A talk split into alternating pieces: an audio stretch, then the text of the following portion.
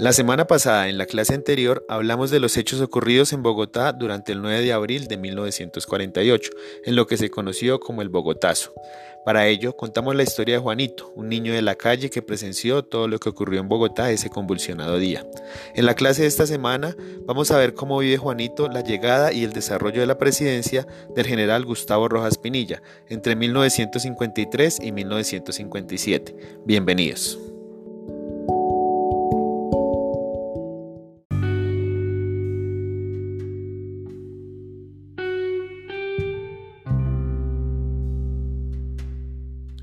Bogotá, 10 de mayo de 1957.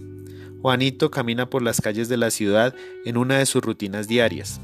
Duerme cerca al Parque Nacional y deambula al centro de la ciudad en busca de alimentos y la aventura que le traiga el día a día. Mientras transita la carrera séptima, se fija que un grupo de personas se reúnen alrededor de un radio en una de las esquinas de esta congestionada vía. En medio del bullicio, escucha la voz del presidente Gustavo Rojas Pinilla.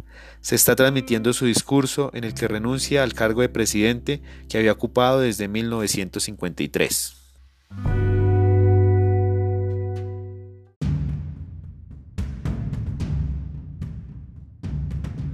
Juanito ya no es el mismo niño que en 1948 vivió el Bogotazo.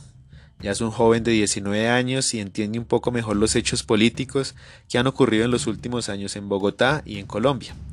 Después de la muerte de Jorge Eliezer Gaitán, la violencia se disparó en todo el país.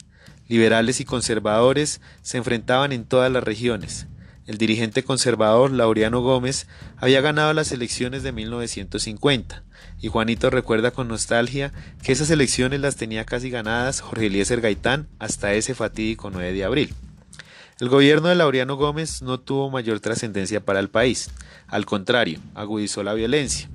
En cabeza de Gómez comenzó una guerra sin cuartel en contra de los liberales, a tal punto que estos crearon unos grupos armados, que para la época fueron denominados como guerrillas liberales. Estos grupos habían tomado fuerza principalmente en los llanos orientales, y todos los días se escuchaba hablar de ellos y de los enfrentamientos con las fuerzas conservadoras. La sociedad colombiana y la clase política estaba cansada de esa guerra entre liberales y conservadores. La violencia y la poca gestión del gobierno de Laureano Gómez habían llevado a que en 1953 el general Gustavo Rojas Pinilla, militar, asumiera el poder en Colombia, en una operación que no requirió el uso de la fuerza. Colombia pasó de ser gobernada por un presidente conservador a ser gobernada por un militar, en la que fuese la única dictadura militar que ha tenido el país.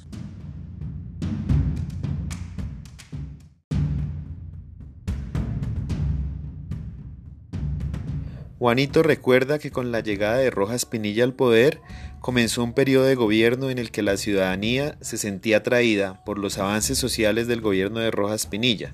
La llegada de la televisión a Colombia fue toda una revolución en los medios de comunicación y el derecho al voto de la mujer fue un logro en medio de una sociedad que se había caracterizado por sus ideas conservadoras. Rojas Pinilla se presentaba como un presidente amigo de las buenas causas y del desarrollo del país. ¿Pero qué hizo que ese 10 de mayo el presidente renunciara? De inmediato se le vienen a la mente dos hechos de los que él fue testigo y que sin duda marcaron el declive del gobierno de Rojas Pinilla.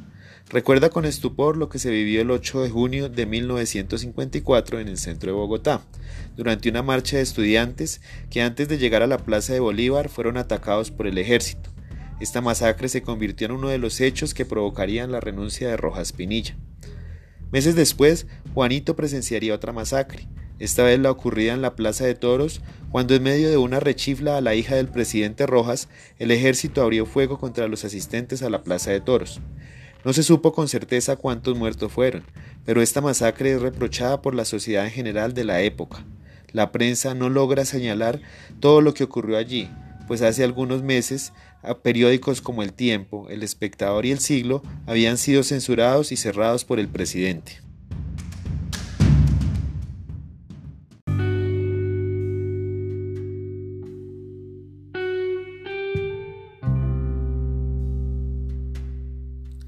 Así, Juanito, ese joven de 19 años, entendía lo que pasaba ese 10 de mayo de 1957 El pronunciamiento de Gustavo Rojas Pinilla y su inminente renuncia era el final de un periodo de gobierno de avances sociales, pero de retroceso en materia de libertad y control de la ciudadanía. Era el final de una dictadura que había tenido Colombia a mediados del siglo XX.